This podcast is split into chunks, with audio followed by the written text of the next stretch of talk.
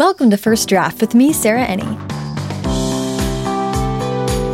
Today I'm talking to Lindsay Smith, author of the forthcoming Alchemy of War, due out in fall 2020, as well as Sekret, Skandal, Dream Strider, A Darkly Beating Heart, The Witch Who Came In From the Cold, and the Saints of Russalka series.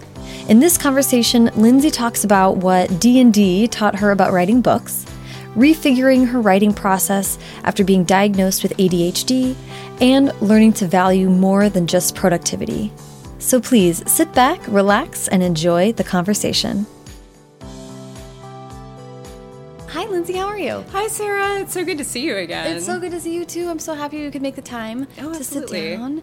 It's so wild. Uh, four years ago, in June of 2014, Wow. you I know you were among the people kind enough to sit down with me first when I was like, I don't really know what I'm doing to start this podcast. Yeah, It was so fun. it was great. I mean, and I've been so impressed to see how much the podcast has grown since then too. it's an Thank you. awesome. It's been really fun. It's I was listening to it and I was like, actually, your episode, which listeners should absolutely check out Lindsay's first episode. It's on firstdraftpod.com. It's not on the iTunes feed anymore, but it's on your website. Um, the sound quality of that one was pretty good. Yeah, yeah, I thought so. It turned out great. The early ones can really they really vary. so but that one's very listenable, so I was pleased with myself. and in that episode we talked about um, your upbringing and getting really into Russian culture and the language and everything like that. Uh-huh. So this time I think we're going to focus on what's been going on with you over the last 4 years because you are prolific. I try. I try to be. Yeah. Yeah, you've been doing a lot of writing, which is super exciting. I think last time we spoke Skandal was a was going to come out. I think if that was last, uh, if that was 2014, I think my first novel, um, Sekret, had just come out. Just- so I okay, was probably just working on Skandal at that time. Yeah. Right.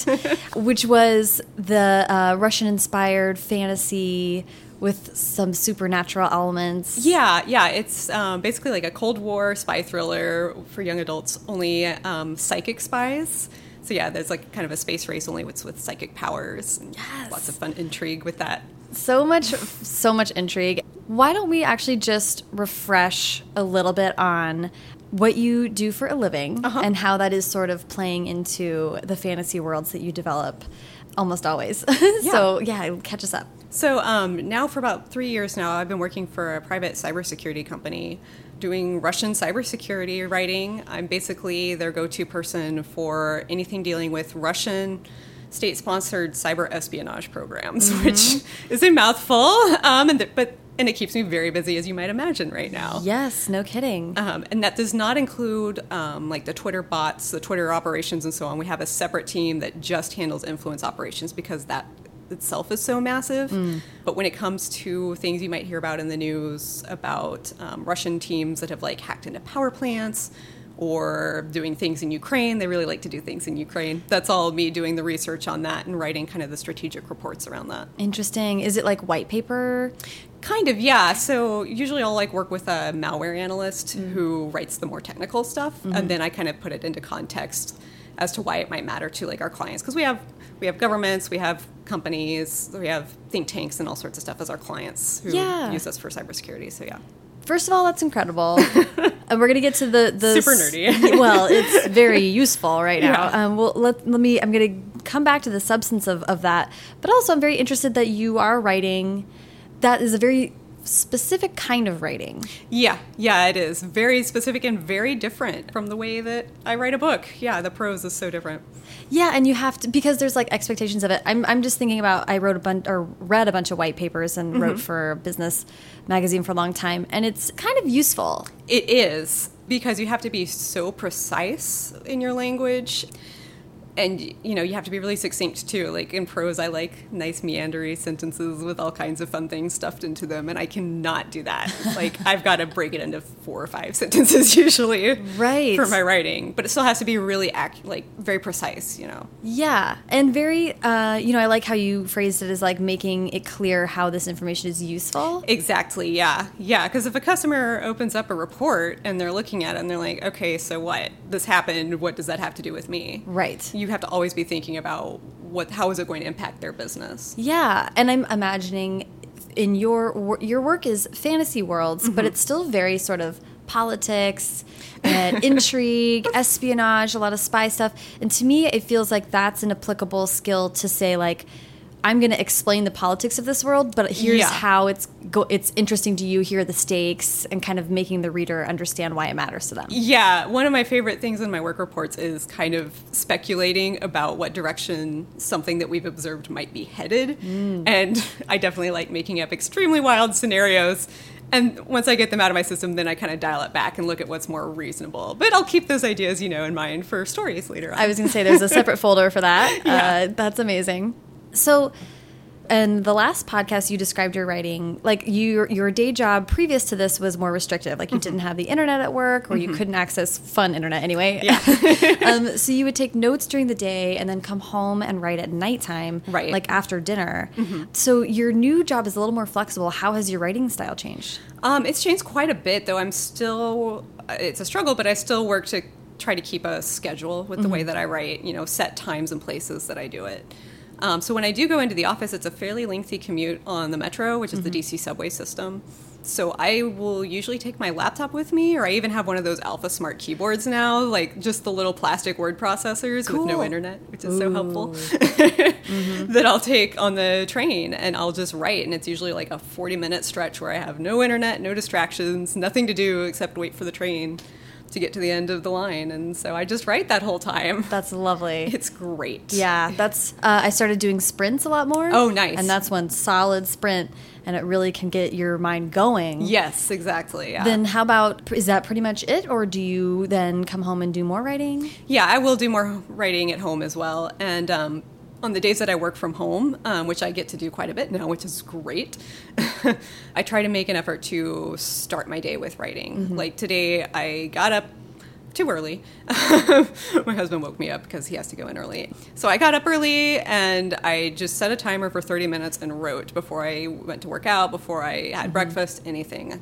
And uh, you know, it's not always the best writing because your brain's a little foggy, but sometimes it's actually more interesting writing that way, like because you're not really activating your editorial filter or anything yet. Mm-hmm. So I, it's it's nice raw material that I can you know clean up later. Yeah, that's so. So you're kind of writing all day.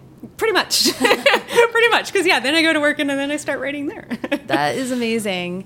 Yeah, and what I'm sort of dancing around, uh, and why I'm curious about your process is mm-hmm. that in the last four years, you have mm-hmm. produced a lot of writing, and in Yeah. the last podcast, you were clear. You were like, "I write fast." Yeah. So yeah. basically, you were like, "My agent and I were just trying to make sure I'm busy." yeah, pretty much.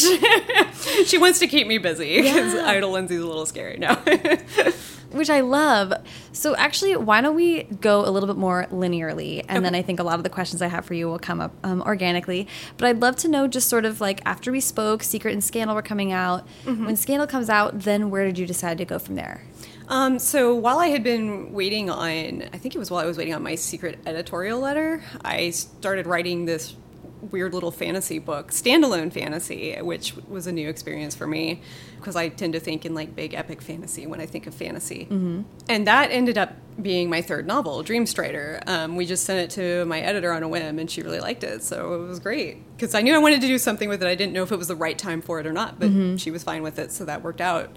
And it is also a spy story, of course. Yep.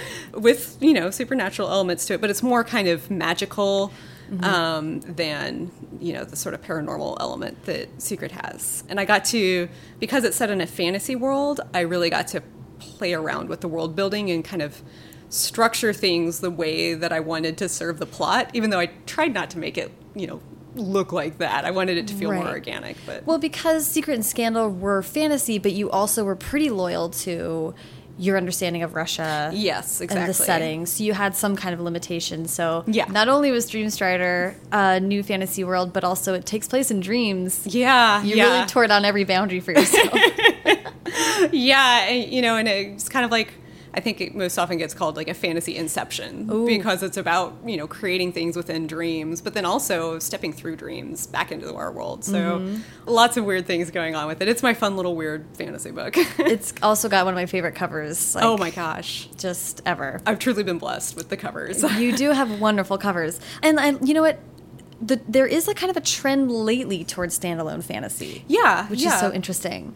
What was it like to it? it I think the reason why fantasies can be so long is that world building is really a huge task. Exactly, yeah. What was it like to encompass it all in one book? Oh my gosh. Well, I mean, I really only conceived of the story having a very single arc and it mm-hmm. would have felt inauthentic to it to try to break that arc up into like three or four or two parts mm-hmm. you know so i just didn't want to i didn't want to feel like i was stretching it out or padding it out um, so i was really happy to just have it in this own self-contained thing and i don't mind you know world building for whatever i mean it's really fun to have these settings that i can play around with and i don't have to necessarily worry about continuity from book to book either. Mm-hmm. I actually feel a little more constrained when I have to revisit the same worlds, but it's nice to know that they're there Yeah. to go back to if I want to. Right, right. How does the for for you with your process is the world what comes first? Do you flesh that out before you start writing? How do you do that? I think I usually start with a premise. You know, I'll get some sort of ridiculous comparison or what if in my head. Like the book that I'm currently finishing up revisions on right now, um, it, it came to me in the idea of what if I took Inglourious Basterds, but it was like Stranger Things, you know? So I just kind of end up smashing these random ideas together in my head, and then and then I worry about what sort of world would best fit that setting. Sometimes really the character will come to me first as well, but it's usually either premise or kind of like a mood or feeling or theme that I want to explore. Ooh, that's so cool. I love that. And yeah, the, the standalone, such a so fun. And then a darkly beating heart. I have to just like on Twitter, you had the best description for this book. You called it an angry bisexual Japanese time travel revenge fantasy. Yes, that's my um, pitch version of it, basically, and that's what we called it until we sat down and just kind of my editor and I just blurted out a bunch of different name ideas until we landed on one. But that's still kind of what I call it in my head because it's apt. It- well, it, listen, that's a great pitch. So I really you. loved seeing that. Um, I wanted to hear about how that book came about because I know it was inspired by traveling. I think that yeah, you did. yeah. So my husband and I had gone to Japan for our honeymoon, and we stayed in this historic village um, about a couple hours train ride outside of Tokyo. And it's interesting because it was like the first setting, the first village where Japan really made an effort to conserve, you know, the historical setting of the town. And so there's kind of all these restrictive rules about electricity and how it's used and when it's used on exterior lighting and so on. And it was Halloween night. it was raining and misty and foggy, and it's deep in the mountains too. So it's like real spooky, isolated setting. And we're walking through these narrow streets and with these historic, you know, Edo period 1860s buildings all around us with the fog and everything. And so naturally, I'm going to come up with all sorts of monsters that live in the darkness there. Yes. And so I just could not get, you know, that sort of premise out of my head about and the pull the way the past kind of pulls us back in so easily and it's hard to let go of these cycles too, especially, you know, violent and vengeful cycles. Yeah, what is revenge except wishing that you could time travel? Exactly, yeah. Truly. That's so interesting. What was it like as someone who you've studied Russian culture so mm-hmm. thoroughly? And so I feel like it must have been a little bit easy for you to start world building with that kind of as an inspiration. This is tackling a whole other culture. How did you approach that? Right. Yeah, that was a big challenge for me, and I really wanted to make sure I did my due diligence with it, and really looked at what sources I was using too, and not just use anything that I came across. Because a lot of the history books that I was finding as I started researching, they were all written by Western authors. So it's like, okay, this is going to maybe give me a little bit of useful information, but this is going to have a clear bias to it. So I mm-hmm. really want to, you know, go and get authentic sources for this. Yeah. So I was finally able to find, you know, biographies written by Japanese authors of Edo period figures and so mm-hmm. on. So that that helped a lot once I got into that. But then I kind of at least had the framework for how I research any historical period in terms of okay, I want to know what the music and clothing mm-hmm. and what was, were the news items of the day that people might be thinking about. So I at least knew kind of that general concept of how I want to go so, immerse myself in a time period. So you kind of have a structure for research, A little bit, yeah, yeah. like a template almost, it sounds yeah, like. almost, I guess. It's kind of useful, like even if you have an Excel spreadsheet to be like, here like here are some things that I want to know Yeah, about yeah. my characters or what the world is that they're living in. Mm-hmm. And and like for when we worked on The Witch Who Came In from the Cold, which is another historical book, I actually put together a show bible for all of the writers on that team um, to use that had a bunch of references of like, okay, well here were the big Soviet folk artists of the day that everybody was like listening to and Cool. all the stuff like that that w- you can use as just kind of background to make it more colorful in the edges of your story. So yeah. Totally. Yeah, it, it's it makes such a more convincing world when you have little influences like that are just clear throughout, I think.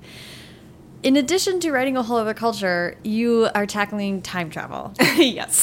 which is sort of like notoriously oh my gosh. so hard to do. Yeah, this so this was a very light time travel book, um, and it was a lot more um, fantastical than like a hard science type of time travel. Yeah. I didn't really get into you know oh how is this going to change the timeline or anything like this. It's almost like just going to another world, at least Got in the way that it plays out in the book. Um, Yeah. because I really didn't want to give myself that headache. Man, it is a lot. yeah, I It is a lot, and it's very, uh, it's very.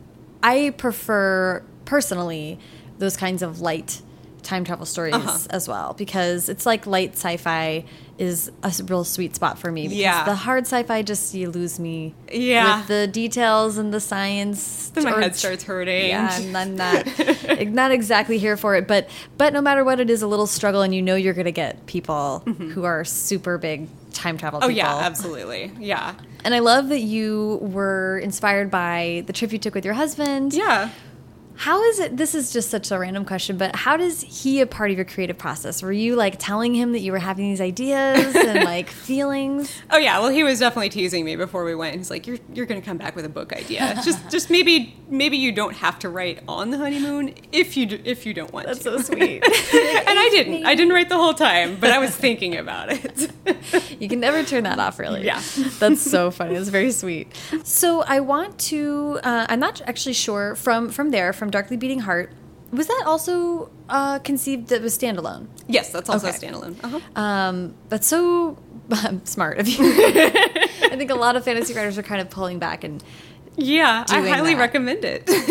it seems For like your a, own sanity, if nothing else.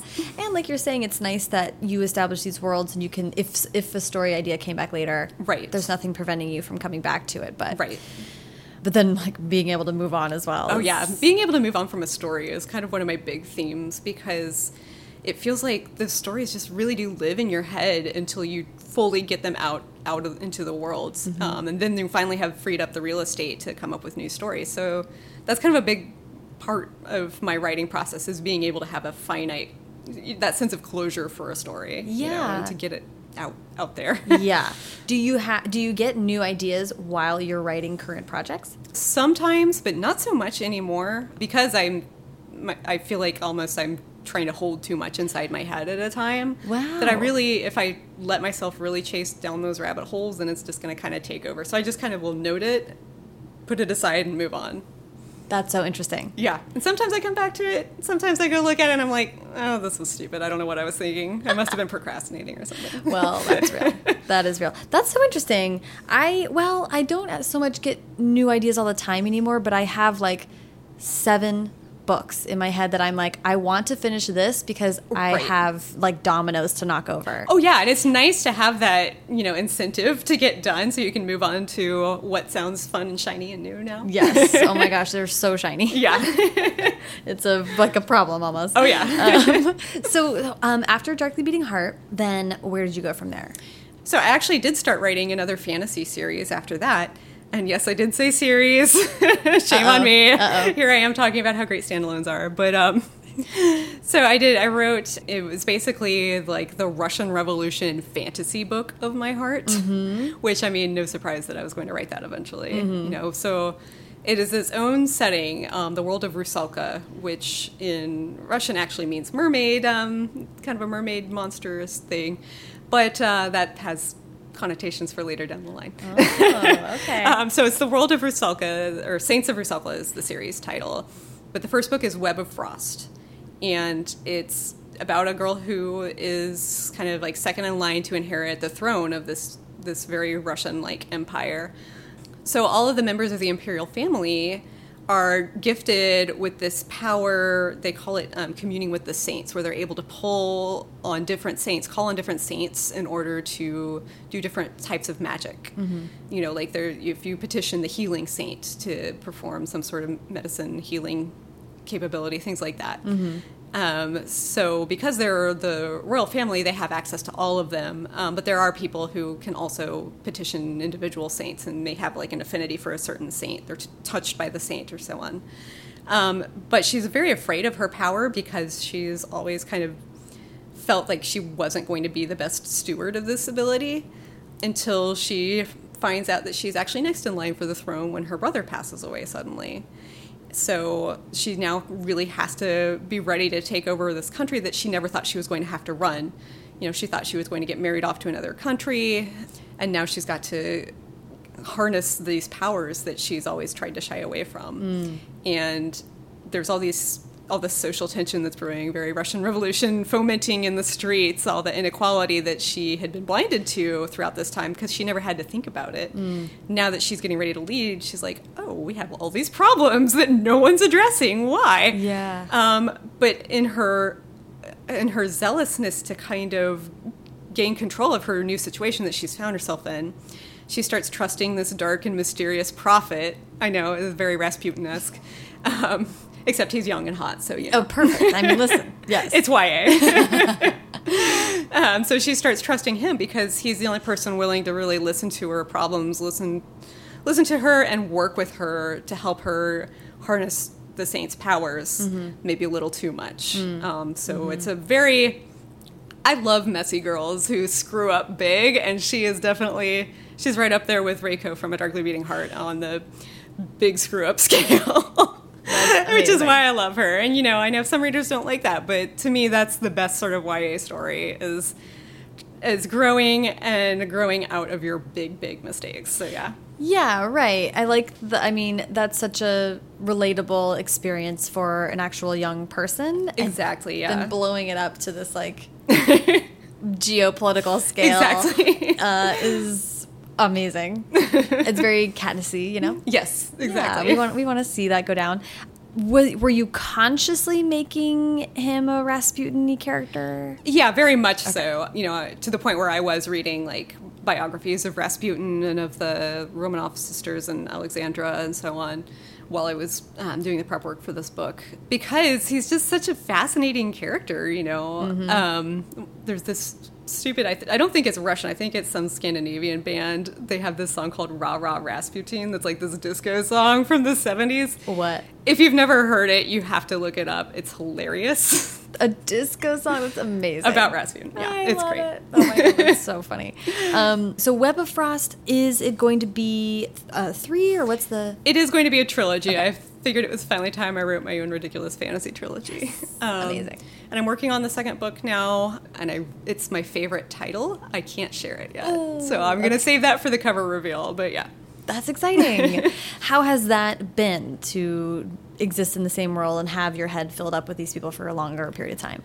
um, it's been it's been very interesting because I wrote the first draft of it um, two years ago, and then I kind of let it sit for a little while before started revisiting it again. Okay. So then I kind of plunged back into it, and I had new ideas for it that I wouldn't have thought of if I had just written the series straight through. Wow, So I'm going to kind of try to keep that balance now, um, and not let it take up too much real estate in my head, and break it up with other things because I don't think I can just work on a single project all the way through like that. Right. Well, and okay, speaking of other things uh, and how prolific you are, um, I know you have written many short stories. Um, and for several anthologies and I think Tor.com, a lot of things like that.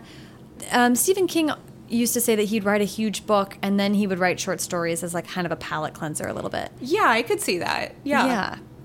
Um, it's yeah, it's nice to be able to not have to commit to something so huge. So massive. every once in a while, Right. Because not every every idea warrants that, Right. You know, um, I, I love being able to just kind of drop into this world and then get out quickly, you know. So yeah, I've written for two um, Jessica Spotswood anthologies now: "A Tyranny of Petticoats" and "Toil and Trouble," which she co-edited with um, Tess Sharpe.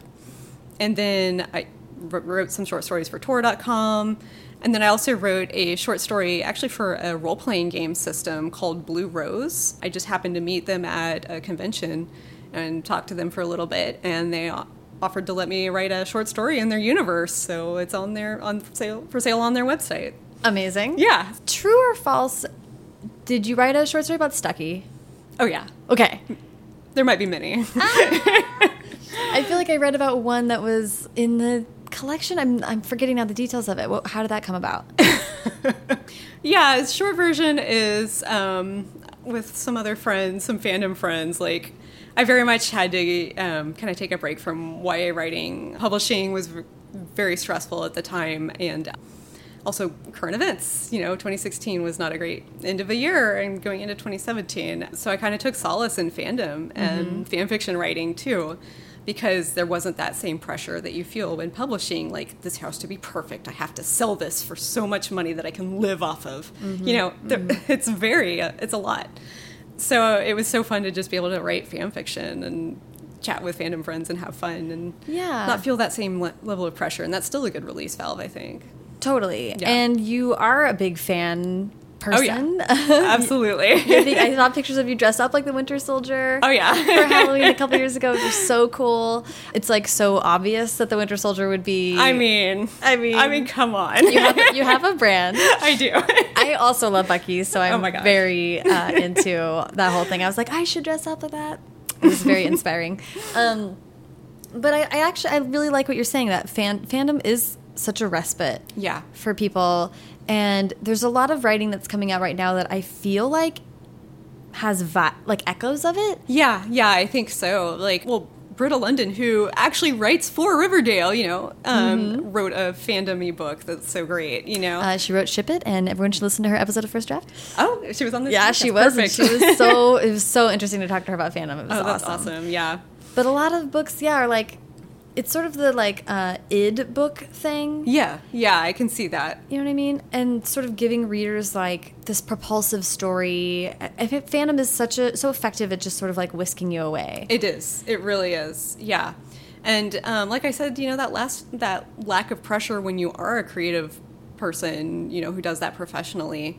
You know, I think that's why a lot of like comic book artists you follow, they'll draw fan fan art, you know, in their free time because mm-hmm. it's such a stress relief, even if it's characters that they get paid to draw. totally. Oh my god, that's so funny. It's still fun to just have that release. Yeah. Um, how do you think about short stories in your process? Are you writing short stories at the same time that you're doing novels? Are they actually kind of a break from everything else? How do they factor in for you? I think usually as a break. It really depends, though. I mean, if I'm on a very tight deadline for one, then of course I have to kind of drop what I'm working on mm-hmm. to do that. But it usually takes a little while to foment them, and they take longer by the word, I think, mm. than you know if you were writing them as part of a novel. Something about this self-contained story that it has to be so taut and perfect. It's very intimidating mm -hmm. in a mm-hmm. way. Totally. Yeah. So they do take longer than you would think, uh, but but still obviously not as long as a novel. Yes, thankfully. But then I, I don't want to neglect uh, The Witch Who Came In From the Cold. this is such a unique project. Um, do you want mind pitching that really quick? No, not at all. So The Witch Who Came In From the Cold is a serialized story through a company called Serial Box, S E R I A L. Yeah. it, it's cute. Um, so their whole thing is to produce these um, serialized projects and you can like read a chapter a week as it's released a chapter or we call them episodes because mm -hmm. they mm-hmm. really are they're designed to take up about the same amount of time that you would watch like an hour long TV episode. Perfect. So you can either read it or they do audio versions of every everything that they produce, so you can listen to it as well. And they've got an app that makes this all really easy. So The Witch Who Came In From the Cold was one of their launch series, and I developed that project with Max Gladstone, who has won just more sci-fi and fantasy awards than I can even remember. A very talented fantasy writer. But we came up with it together and it's basically it's Cold War Prague and you've got people who are spies like for the CIA or KGB. You've got people who are witches for a somewhat sinister faction and a somewhat maybe more altruistic faction. And then there's so many overlaps there, you know. It's it's like this huge matrix of you know, who's a good guy, who's a bad guy, you can't tell because everybody's got different allegiances, both on the spy world and in the magic world, you know, mm-hmm. and it's just so much fun. That's so awesome. How so? How did uh, you get in touch with Serial, but Serial Box? How did you and Max start working together? Tell, tell me how this came to be. Yeah, so I actually knew Max from before we were both published. Um, we had um, we had shared the same agent. That agent has since left the business, so we're with different agents now. But I knew him through him that, and we had communicated a couple of times. But um, the Serial Box founder, Julian Yap, he actually came to me after reading Sekret. It's like, okay, so I've been talking to Max Gladstone about this spy idea, and we want you to run it. And I'm like, oh, okay. I mean, I guess if I have to, right? You know, I guess spies and witches. Come on, yeah, exactly. so I just kind of brainstormed a bunch with Max about the setting and what we wanted, what sort of story we wanted to tell here. Mm-hmm. And then I ended up writing the show Bible that I mentioned earlier, which is just kind of it's like a reference book that all the writers who work on um, The Witch who came in from the cold can reference. Mm-hmm. It's got like character notes, you know, what their arcs are going to be, the setting notes, both for the actual city of Prague, which is where the story takes place mm-hmm. mostly, and then also for the different things that we've made up, like the magic system and the witch factions and so on. And then also those cultural reference touchstones that you can use to kind of flesh out the setting and make it feel more lived in. Mm-hmm. And you're called the showrunner. I am called the showrunner, yeah, because I am the herder of cats. yeah. So, so tell me how. So, when you were approached, he, and they, how did they pitch it to you? What your exact role would be, and what was it like to have such a different creative role? Yeah, I mean, they basically said we want you to kind of have the job of making sure we all kind of stay on track story wise, and that it ends up being coherent. Mm-hmm because when you've got four people writing on one project, it's bound to get chaotic. Mm-hmm. But fortunately, we were one of the groups that kind of established the existing Serial Box system, um, and there were some learning learning pains with that. But um, we we figured out a good system to kind of make that about as painless as it's going to be. It's not going to be painless, but mm-hmm. never. But that's uh, and it's sort of the showrunner. If anyone doesn't know, like a, that's kind of like a project manager. Yeah, basically. Yeah. But what does that mean for? Do you and Max write the outline of everything and then send it to? How does how does the actual nuts and bolt work? Um, it's actually very collaborative. We will each year before we start writing a new season of Witch, we'll all get together like for a weekend. It's like a long weekend full of way too much food. Um, and we just crash and so far it's been in Julian's condo in DC. Amazing. and we um, toss out all our ideas for things we want to have happen that season and what our um, overarching season arc is going to be. That we actually kind of had those those season arcs pre-established, but we really get to dig into it here. So everybody's tossing out all these ideas, um, and somehow we managed to lump those by character into 13-ish columns. Mm-hmm. and we do have like a big murder board where we list all these things out in 13 columns and then rows of each character like what what are they up to in this episode mm-hmm. you know mm-hmm. not everybody's going to be in the same episode but still yeah it's helpful to visualize it that way um, so once we have that then we just go episode by episode and kind of figure out what the basic outline is going to be of that episode and then we divvy them up amongst ourselves so we'll write in batches you know of four episodes mm-hmm. everybody writes a different one in that batch and then i'll go through and edit all of those at the same time Mm-hmm. So that way I can make sure they actually fit together the way that we envisioned them fitting together. Mm-hmm. You know, and there's a lot of um, fail safes in that, in, in that people will provide more detailed outlines before they begin writing that mm-hmm. I can mm-hmm. check, trying to save, you know, save us from having to do a bunch of rewriting. Mm-hmm. And mostly that helps. Yeah, it helps us kind of fit all the puzzle pieces together from there. That's such a cool process. How was that similar or dissimilar from how you've structured your own writing? So I used to be very much a pantser. I tried to hold my plot ideas in my head mm-hmm. and write toward them.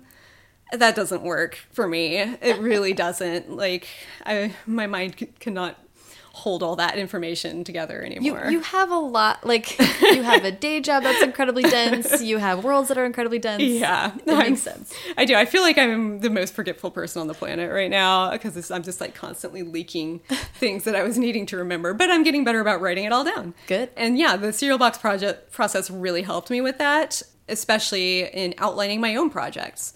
You know, I saw the value in that and like, oh, you mean I can actually plan ahead for this and then I don't have to go back and rewrite 20,000 words. Ah, I guess I can try this. Yeah. That sounds like it might be okay. Yeah. so I have gotten a lot more structured in my own writing because it lets me kind of catch those mistakes before I actually go through and draft things out. And it also, I think, is what helps me write faster, honestly, because if I'm just referencing my outline, I already know what's going to happen. So I don't have to think about that. I just have to think about how it's going to happen. So it lets me kind of play around a little bit more with the actual content. Yeah, which is, it's so well timed that now you em- are embarking on your series. Exactly. when you kind of have this like toolbox Exactly, yeah. uh, uh, that Serial Box writing has given you what's it been i mean it's so i'm so happy that you get to have this experience of being really collaborative that's so lovely writing can be so kind of lonely Right. and isolating what has does it make you more open about talking about your other projects? How has it worked in your creative life?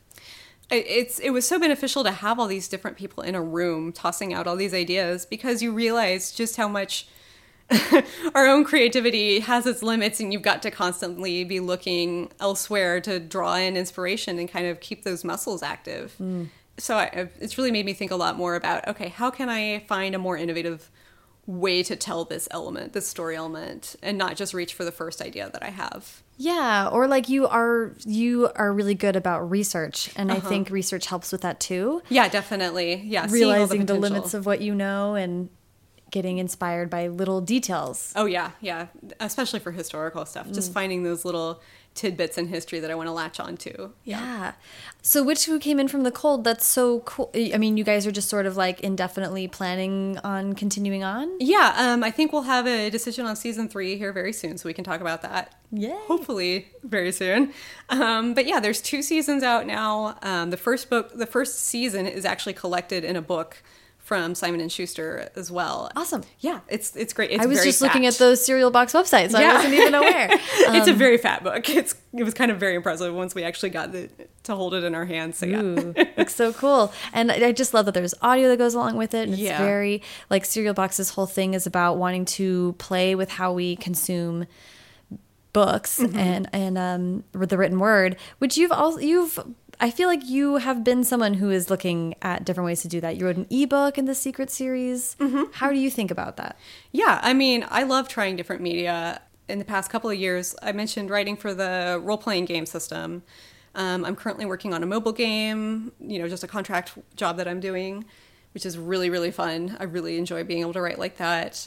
I've been writing a couple of comics um, and a TV script that I can't quite talk about just yet, but hopefully soon. So cool. oh my gosh. So yeah, just trying like everything, honestly, and finding different ways of storytelling. Um, and some stories are better suited for certain media than others. Yeah. Yeah, absolutely. Speaking of different medium, I do want to talk about D&D. Oh yeah. Uh, you and your husband are in a D&D group. oh yes. Many Uh, multiple D&D groups. Amazing. Um, and I, you sometimes you make comments on Twitter or on Instagram, and I love it so much. But I just would love to hear how you feel about that. How you exist in that world. What does it do for you? Oh, it's so fun. It's a lot more challenging for me personally than writing because I'm not that great with like the extemporaneous improv and role playing and so on. I have to really think about it in advance. And I've had some really dorky things that I've done at the table where it's like, man, this sounded really cool in my head, but I didn't wait for the right situation. I just kind of blurted it out. And it's like, nope. And now my character is a huge dork. Like, what does that mean for someone who does isn't as into D and D? um, I, I mean, I can just tell my stupid story. Sure, sure, I love it. So one of the characters I'm playing um, in a campaign that my husband's actually running is a vengeance paladin. So they are sworn to the path of vengeance. Um, you know, he's a very vengeful character, and he's out for all this stuff. And so one of the spells that he has is called Compel Duel. So you can basically force. Sorry, this sounds so nerdy when I'm saying it Oh out my god, loud. I love it. I love it. you can um, force uh, an enemy to only focus on you and to ignore your party members, which is really cool. And it's I thought fit very much into the vengeance theme. Um, so I had in my mind as soon as I picked up that spell, okay, there's going to be this awesome scenario where my guy is going to come across somebody and he's going to compel them to a duel and he's going to be like we have unfinished business you know and it's going to be so dramatic and totally fit with his character and the first thing I used it on was a boa constrictor that ensnared one of my party members. Oh no. So I'm like pointing at this random ass snake, like, you and I have unfinished business. And it's just like, okay, that could have gone better. Ah. Everybody was just dying at the table. I love so. it. It is it is such an interesting I can see D&D like it's such a writer brain thing, Uh-huh. but it is like in the moment. It is, and that's really hard. And also, um, you know, all my friends want me to DM, which is like when you're running the campaign, Oh. because they're like, "Oh, well, Lindsay, you know, you're the writer. You should be awesome at this." And I'm like, "This is the opposite of writing. This is terrifying because I have no control over what you guys are going to do. Right. I can't plan for it. You know, um, I have to come up with it kind of on the fly." To suit whatever you're doing. So that kind of sounds like a nightmare to me. But it also is reminding me of the collaborative writing process.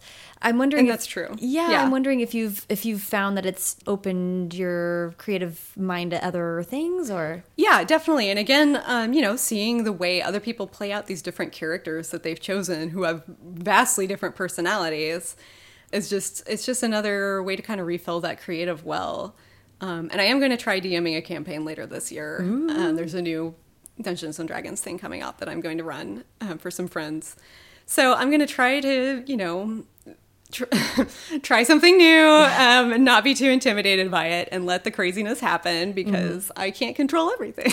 Yeah, well, I, so I've been taking improv classes. Oh wow! Okay. So you know we can we can have a, a battle about which is dorkier. Oh, but it's been very like to me it's been uh, getting me out of my head Mm-hmm. having to listen to the people at the at the table or who are next to you and really and respond to that and, and accept what their imagination is going to throw at you yeah, exactly. and then seeing what other people have at top of mind oh yeah. versus what you have at top of mind Oh, it's got to be so wild. Yeah. fascinating absolutely fascinating and makes you realize sometimes i was like oh not everyone knows all the details about vampire stories Right. and yeah. like every telltale sign about a vampire like my- the teacher was like you have a lot of specifics about vampires i was like i just thought everyone was watching buffy constantly apparently not but it was like yeah it was very telling and and i think it made me yeah think about well what if this per you know later i bring that stuff home and i'm like it all adds to the to the stew you know yeah. Exactly. it's very cool.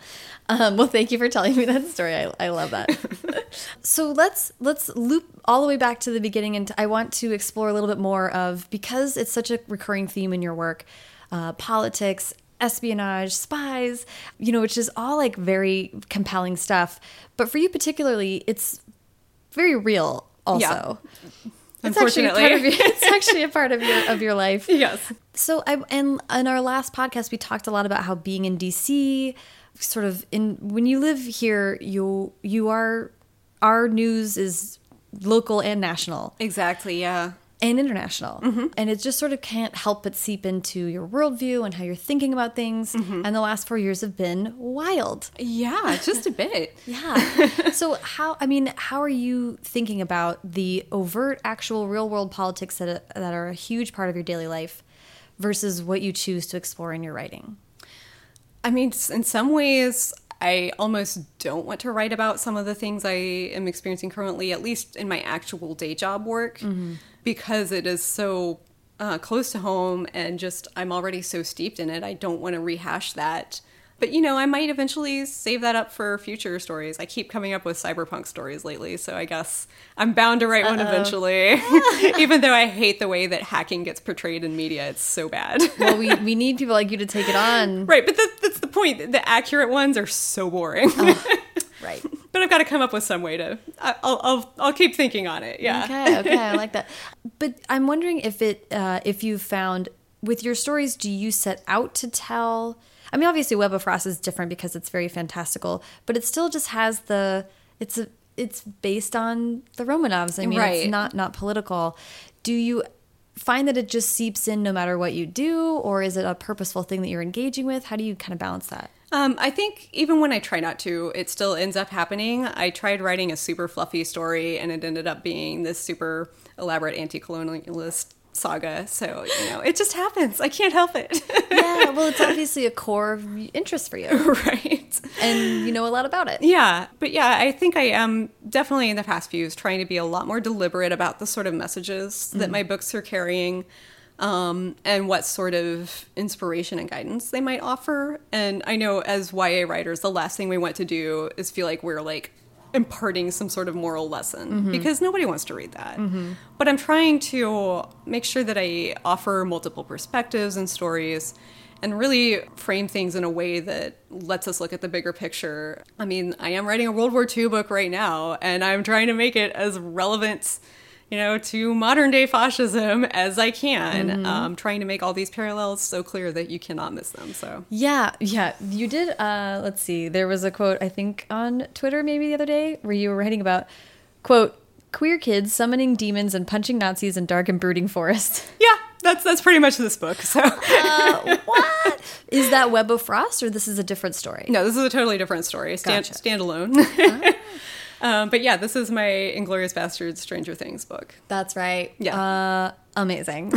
Sounds so good, so interesting. But I mean, this is also reminding me of the fact that you are writing so much all the time, and you have a day job.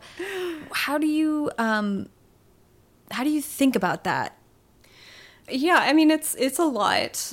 Um, Are you is is it just how you work, or are you being very purposeful about trying to maximize output? Um, a little bit of that. I actually, I think 2016 was my highest writing output year. I used to keep spreadsheets, um, and then I kind of got burnt out on that um, because it was, I, I was really just not healthy the way I was pushing myself to compare myself to like try to do better and better. It's like, no, you know what? I need to make sure I'm enjoying this too. Yeah, big data isn't always applicable in Right. our lives. Yeah. Um, and especially, you know, the past couple of years have been a little more frustrating in publishing. It's just um, a tougher industry and tougher by the day. Um, you know, so I, I'm trying to focus more on the joy in writing stories. Um, so I have actually slowed down somewhat, but I still feel like I'm writing a lot, and I guess I am. Um, You definitely are. I can tell you that. and I think it's more just the discipline thing of okay, if if I keep writing, I don't have to write every day, but if I keep moving forward on a story, even if it's bad, that's the hardest challenge. Is if it's bad, I can still move forward and I can make it better later, mm-hmm. and that really frees me up a lot to keep producing. You know, because. Yeah. You can still work with those bad stories. You can make them better. Mm-hmm. You know, and at least you got them out of your head, or you did something with them. Nothing is wasted. I think. Yeah. That's so interesting that 2016 was your biggest output year. Yeah, yeah. Because I think a lot of people had the opposite experience, which they were, you were upset the same way a lot of people were upset. Uh-huh. But it, for me at least, I was like, I, I couldn't. I was so consuming news and, cons- and I was so upset that I, I actually it stalled up. Well, yeah, I mean, the end of 2016 going into 2017, I very much had a. That's right. Big Not break. all of 2016 Right. was what I'm thinking. Yes, you're right. It wasn't all a nightmare. Oh, God. Just kind of on the horizon potential. Right. Looming. Yeah. so, so 2017 was a little bit of like step back or what? yeah, yeah, definitely. And, and it was both that and also my own experiences with publishing kind of coincided to really be an unproductive storm. Yeah. frustration and anxiety and all that. Well, and to whatever degree you're comfortable, I mean, I'd love to hear you talk about that. What frustrations were you dealing with, and how have you coped with it to move forward? Um, okay, well, Web of Frost is a great example um, because we went out on submission with that when I had first written it in 2016, and we got a lot of great feedback, and it didn't sell. You know, so that was very frustrating because it was one of those books where I really felt good about it. I felt like I had structured it well. It was one of the first books where I had started using my new outlining system that's helped me so much and I was very satisfied with the way it turned out, and I still am. So I decided, you know what, this may not really be a reflection of the book. It's more the publishing situation right now. So I moped about it for a while, um, and then I decided to self-publish it. So Amazing. that's what I did. yeah. That's awesome. Okay, I did not realize that that was a self pub situation. Good, that's the goal. Amazing. so, how did you go about doing that? so I, from working on the fandom projects that I've worked on, like I put together like an anthology for fandom stuff Yeah. um, in 2017. That was kind of my one creative outlet through all the horrible depression and news cycle and everything. Um, I learned a lot about um, digital layout and all that and editing and so on. Um, so I was able to format the book the way I wanted it to be printed and everything.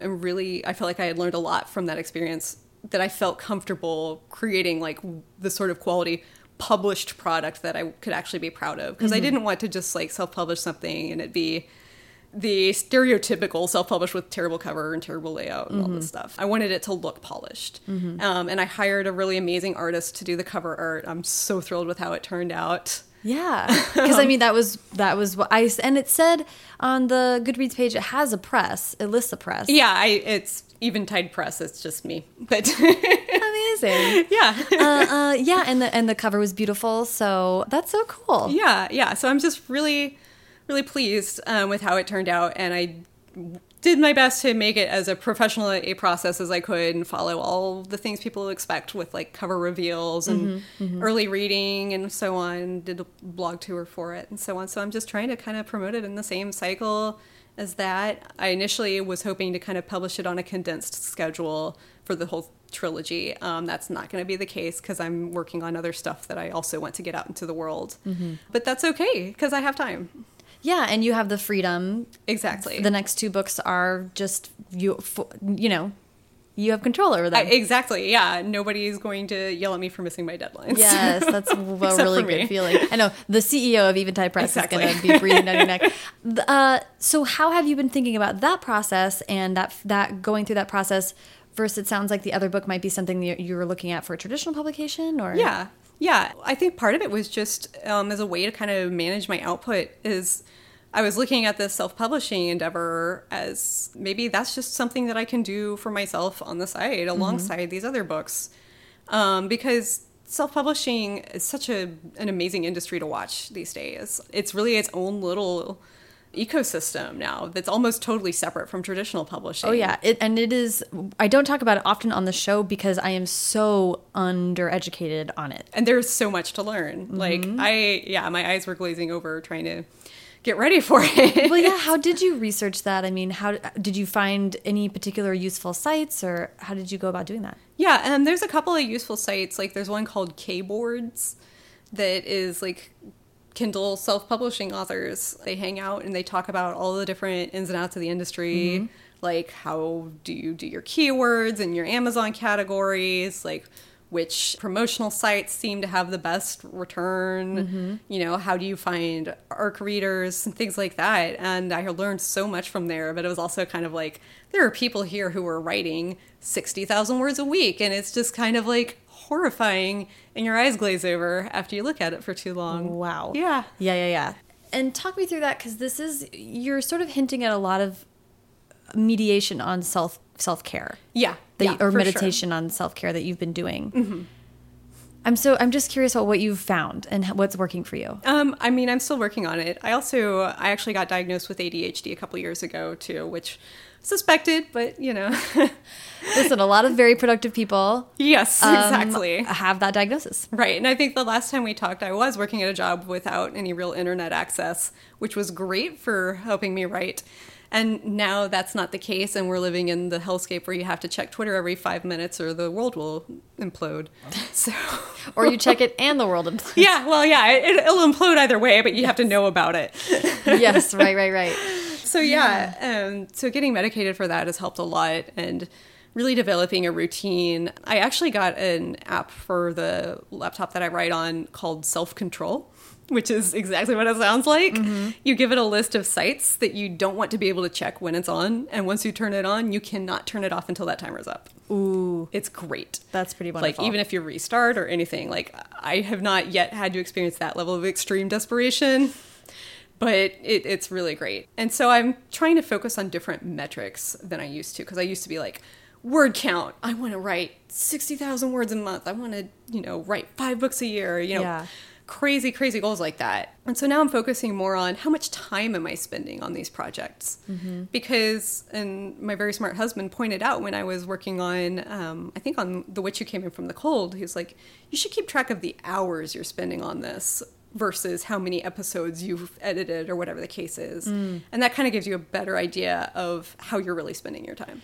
It's true. And it's also sort of forcing you to put this in the metric of a freelance job. Yeah, very much so. Which, especially for you, it truly is your second job. Exactly, yeah. So, keeping track of it in the same way that you are able to do with a day job is, mm -hmm. yeah, like maybe stepping back and, and adju adjusting the framework. Right, right. Of thinking about it. Because I can, I can stare at a blank screen for an hour and I may only get 10 words out depending on the sort of day. But if I've at least spent that hour trying, then I can still feel good about the fact that I spent that period of time. That's a fixed quantity, you know? Absolutely. So I can control how much time I devote to it. And then once that time is up, no matter how much or how little I got done, then I can shut that part of my brain off and not feel guilty about it. Because that's what I was finding is like by the end of the day, I'd gone through work, I'd done all this crap, all the day to day stuff.